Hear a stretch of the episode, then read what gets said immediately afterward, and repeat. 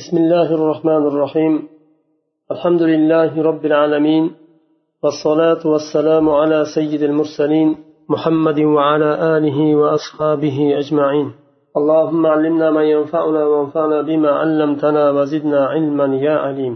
آية الأحكام دان بشنش حكم kelgandik ramazonni farz qilingani xususidagi oyatni nimasida tafsirida هل الصيام أفضل أم الإفطار alloh taolo kasal kishiga va musofirga ramazonda iftor qilishga ro'za tutmaslikka izn berdi va ramazondan keyin qazosini tutib berishni amr qildi buni endi kasal kishi uchun va musofir uchun ro'zani tutish afzalmi yo iftor afzalmi ya'ni tutmaslik afzalmi ruxsatni olishlik afzalmi yo ruxsat berilgan bo'lsa ham ro'zani tutishlik afzalmi وقد اختلف الفقهاء القائلون بأن الإفطار رخصة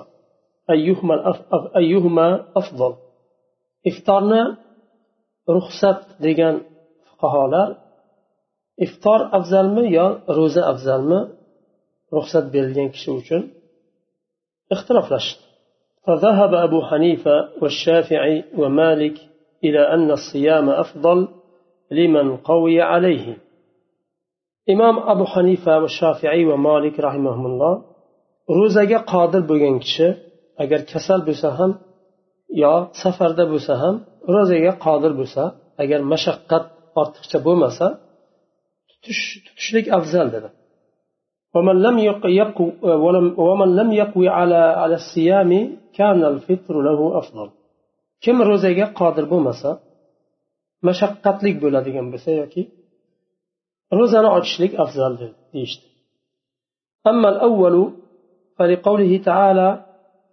أن تصوموا خير لكم alloh taolo qur'onda dedi izn bergandan keyin kasal va musofirga izn bergandan keyin dedi. Ro'za tutishlaring yaxshiroq sizlar uchun dedi. Bu birinchi dalil. Ikkinchi dalil e, taala yuridullohu bikumul yusra va la yuridu bikumul usra. Alloh taolo sizlarga yengillikni istaydi og'irlikni istamaydi yengillikni istaydi agar mashaqqat bo'lmasa musofir uchun.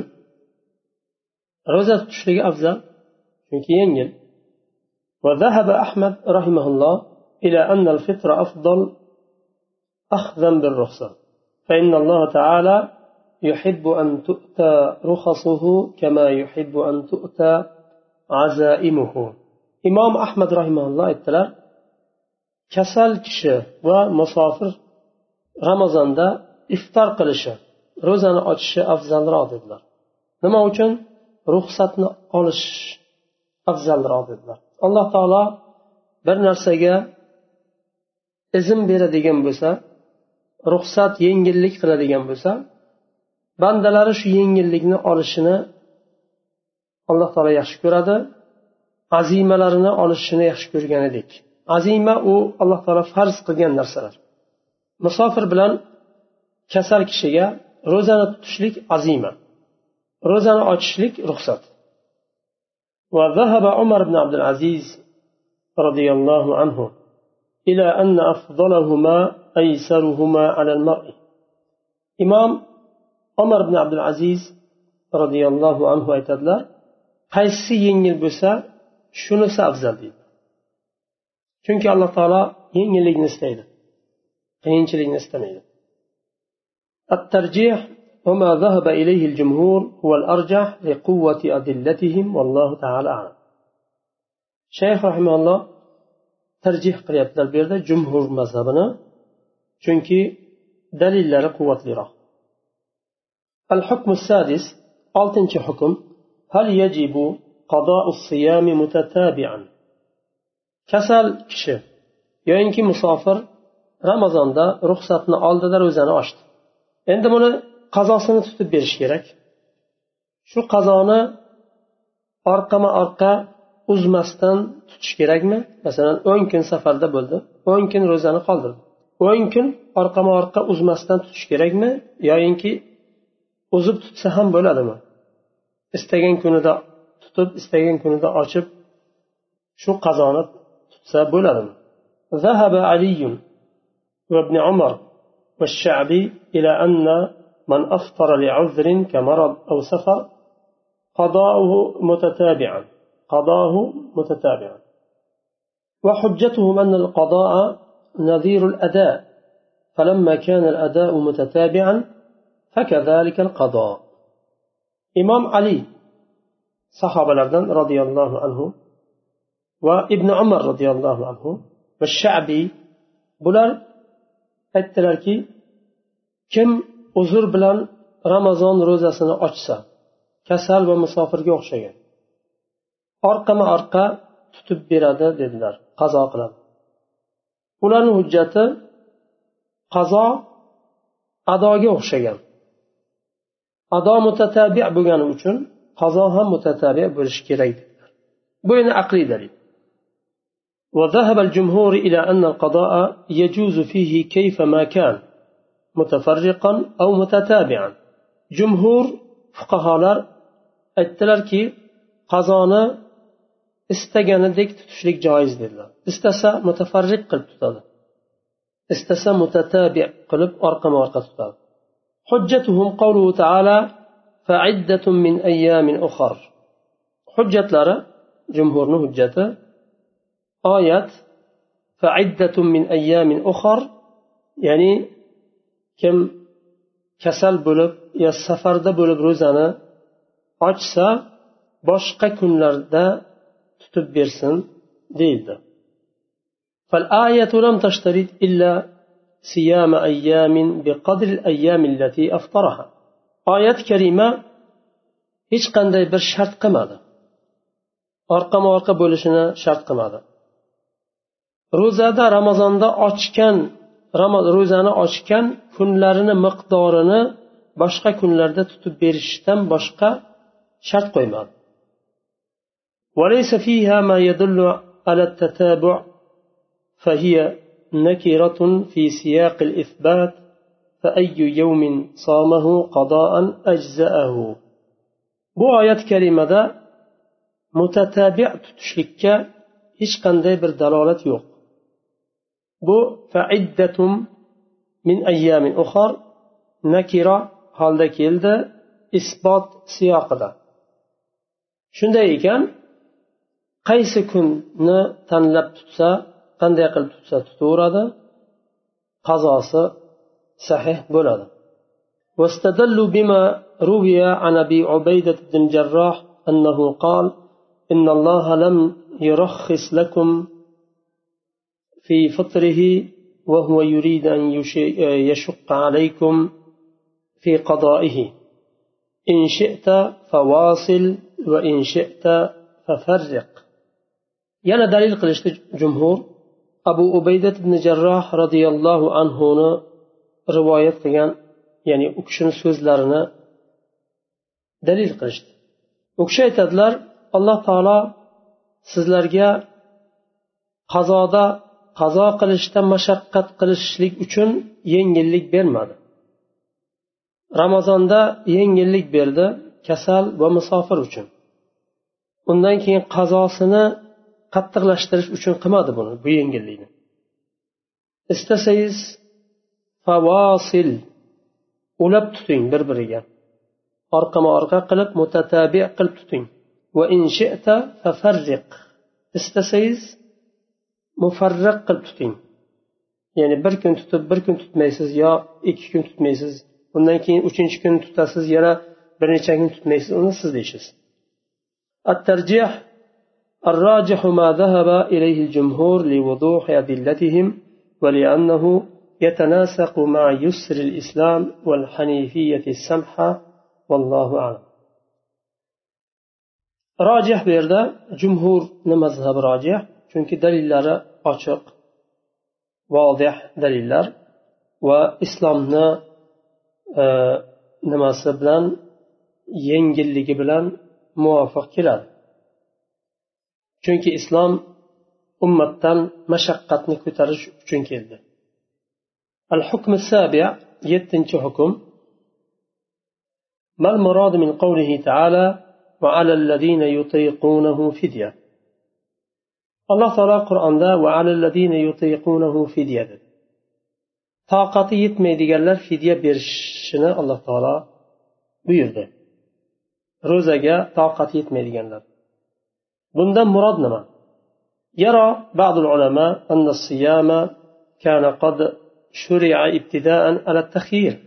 فكان من شاء صام ومن شاء أفطر وافتدى.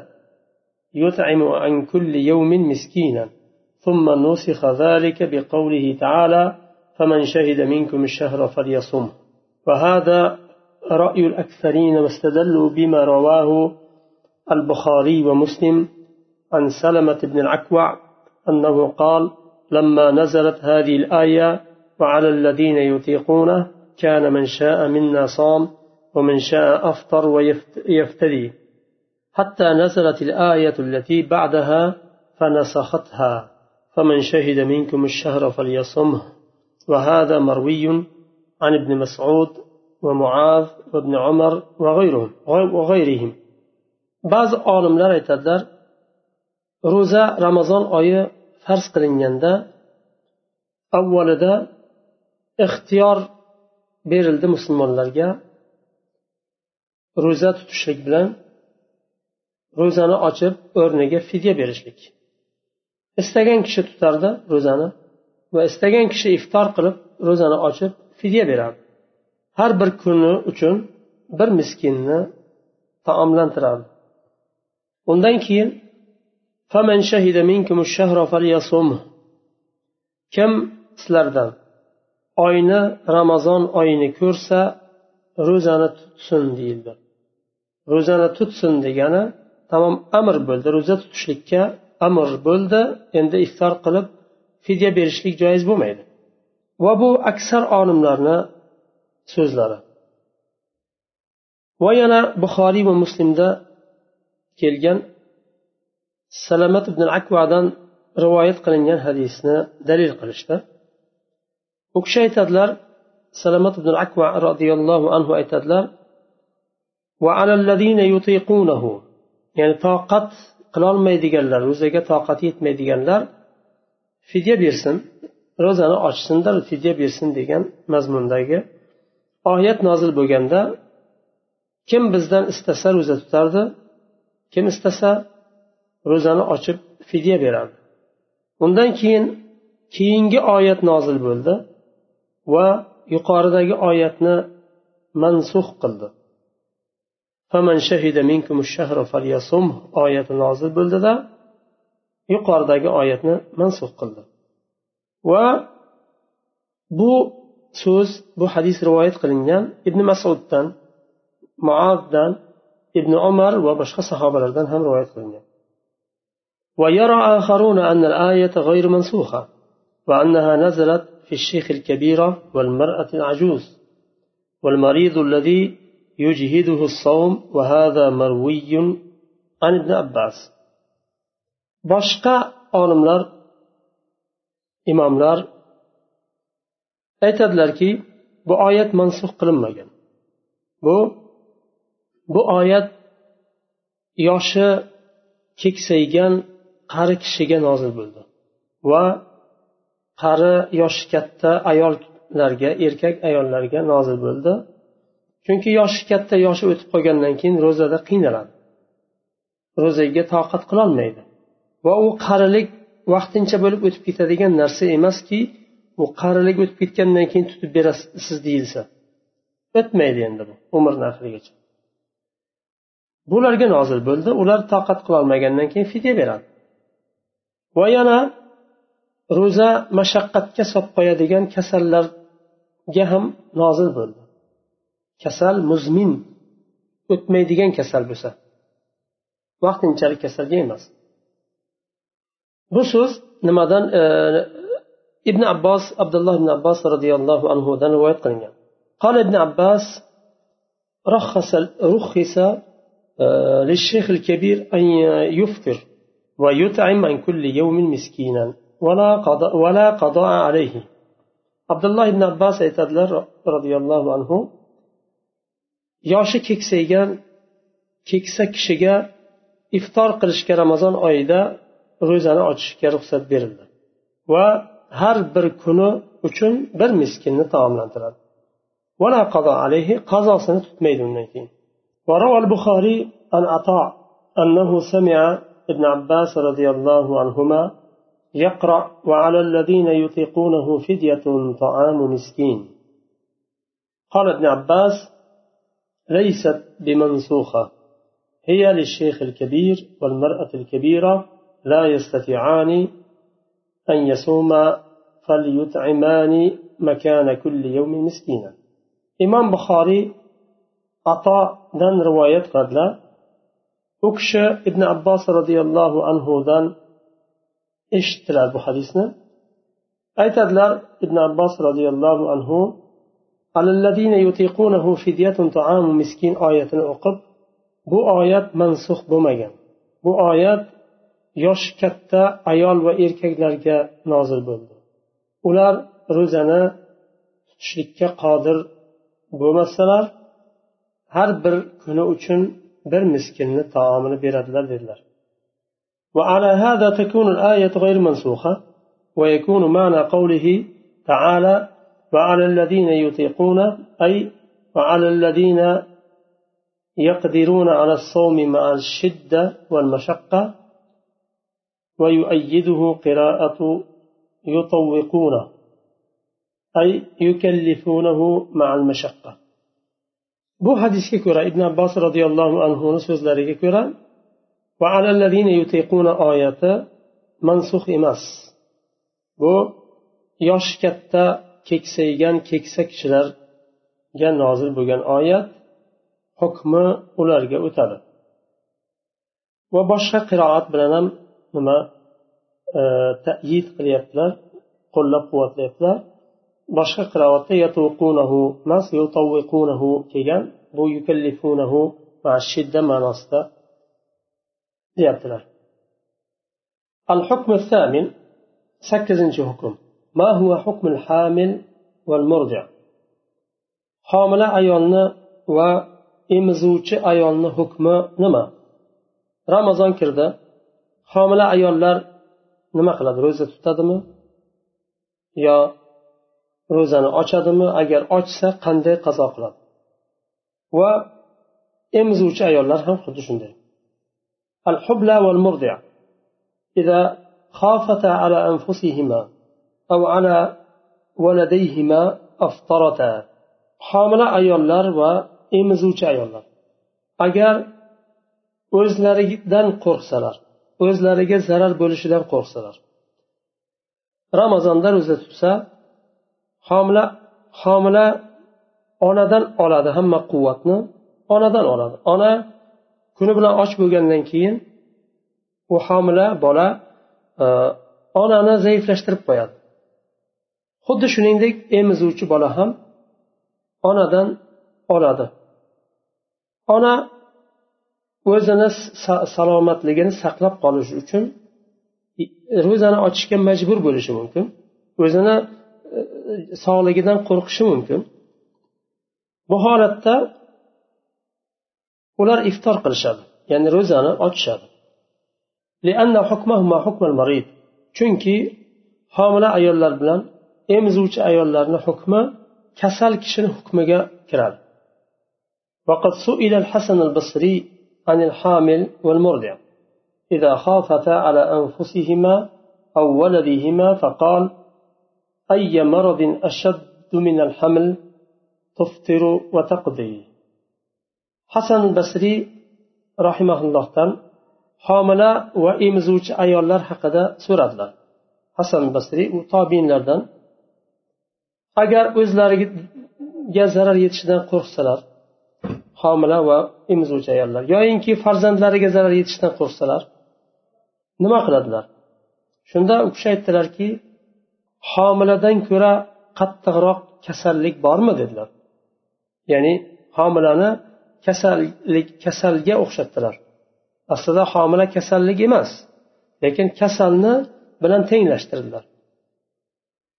iftor qiladi va qazo qazosini keyin tutib beradi dedilar وهذا باتفاق الفقهاء لكنه ولكنهم اختلفوا هل يجب عليهما القضاء مع الفدية أم يجب القضاء فقط bu fuqarolarni ittifoqi bilan ro'zani ochadi homila va emizuvchi ayollar va qazosini tutib beradi lekin bir narsada ixtiroflashildi faqat qazoni o'zini tutib berishadimi yo fidya bilan birgami ham fidya berishadi ham tutib berishadimi ذهب أبو حنيفة إلى أن الواجب عليهما هو القضاء فقط وذهب الشافعي وأحمد إلى أن عليهما القضاء مع الفدية أبو حنيفة رحمه الله aytdilar qazoni o'zi faqatgina vojib bo'ladi fidya vojib bo'lmaydi homila ayol va emizuvchi ayollar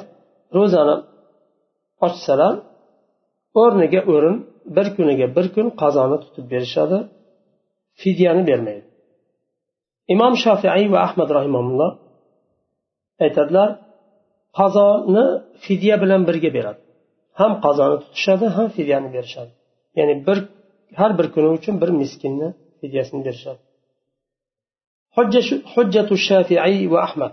Imom ahmad bilan imom shofiy rahimullohni hujjatlari أن الحامل والمرضع داخلتان في منطوق الآية الكريمة وعلى الذين يطيقونه فدية لأنها تشمل الشيخ الكبير والمرأة, الثانية. وكل من يجهده الصوم فعليهما الفدية كما تجب على الشيخ الكبير. إمام شافعي وإمام أحمد رحمه الله aytadilar homila va emizuvchi ayollar ular quyidagi oyatni mantuqiga kiradi. Toqat qilolmaydiganlar ro'zaga toqat qilolmaydiganlar fidyasini bersin degan oyatni mantuqiga kiradi.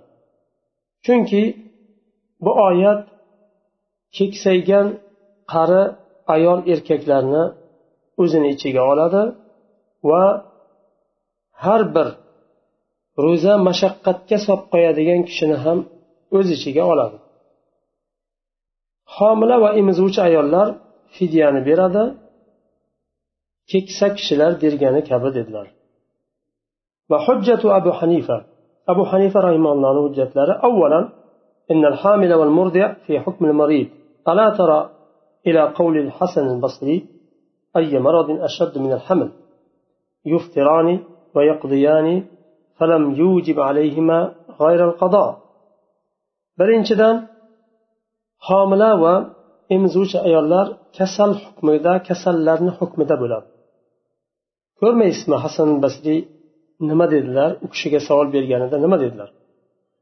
homiladan ko'ra qattiqroq kasal bormi deb homilani kasal bilan tenglashtirdilar kasal ro'za tutganda qanchalik qiynalsa homila ham shunday qiynaladi ular iftor qilishadi va ro'zani qazosini tutib berishadi dedilar qazodan boshqa narsani vojib qilmadilar hasan basriy ikkinchi dalilni aytyaptilar الشيخ الحرم لا يمكن إيجاب القضاء عليه لأنه إنما سقط عنه الصوم إلى الفدية لشيخوخته وزمانته فلن يأتيه يوم يستطيع فيه الصيام. أما الحامل والمرضع فإنهما من أصحاب الأعذار الطارئة المنتظرة للزوال. فالقضاء واجب عليهما فلو أوجبنا الفدية عليهما أيضا كان ذلك جمعا بين البدلين وهو غير جائز لأن القضاء بدل والفدية بدل ولا يمكن الجمع بينهما لأن الواجب أحدهما. Ikkinchi dalillari abu hanifa rahimallohni dalillari kuchlik mantiqiy dalil. Ya'ni mantiqiy degani ma'nosi quvvatlik degan mazmunda. Aytyapman. Yoshi keksaygan qari kishi ramazonda ro'zani ochganda qazo vojib bo'lmaydi u kishiga faqat fidya vojib bo'ladi. Nima uchun? Chunki u kishidan ro'za soqit bo'ldi. Fidyaga soqit bo'ldi. Ya'ni ro'za ro'za tutishlik soqit bo'lib o'rniga fidya qo'yildi. Nima uchun? Chunki u kishini yoshi keksa bo'lgani uchun zaiflashib qolgani uchun toqat qilolmaydi ro'zaga. Va bu keksalik muzmin bo'lgani uchun ya'ni o'tib ketadigan emas.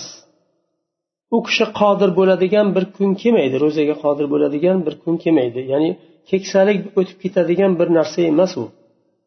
ammo homil bilan homila ayol bilan emizuvchi ayollar ular uzr ashoblari uzr egalari. Toria ya'ni u kelib ketuvchi. Toria ya'ni bu e, bu bir sabab bilan keluvchi narsa u.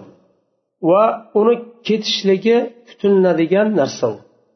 Homila aniqki bir kun tug'adi va emizuvchi ham aniq bir kun shu emizishdan to'xtaydi. Undan keyin tutib beradi. Ularga qazo vojib bo'ladi.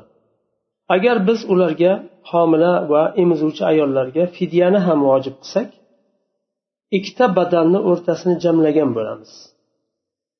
Ro'zani o'rniga fidya badal bo'ldi.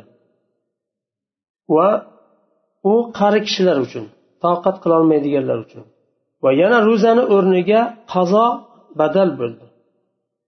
Bular musofir va kasallar uchun. Yo u badalni olinadi yo bu badalni olinadi. Ikkala badalni ham olinmaydi. Ikkala badalni o'rtasini jamlanmaydi. Bu joiz emas. Chunki qazo badal bo'lganidek fidya ham badal. Ikkalasini o'rtasini jamlaydigan bo'lsak bu bo'lmaydi ikkalasidan bittasi vojib bo'ladi. Yo qazo vojib bo'ladi yo nima fidya vojib bo'ladi الترجيح الراجح هنا ما ذهب إليه أبو حنيفة لأنه معلل ومدلل فلا يجب عليهما إلا القضاء فقط imom abu hanifa rahimallohni so'zlari bu yerda rojih chunki bu talili ham u kishini kuchlik va dalili ham kuchlik to'g'ri dalolat qiladigan dalil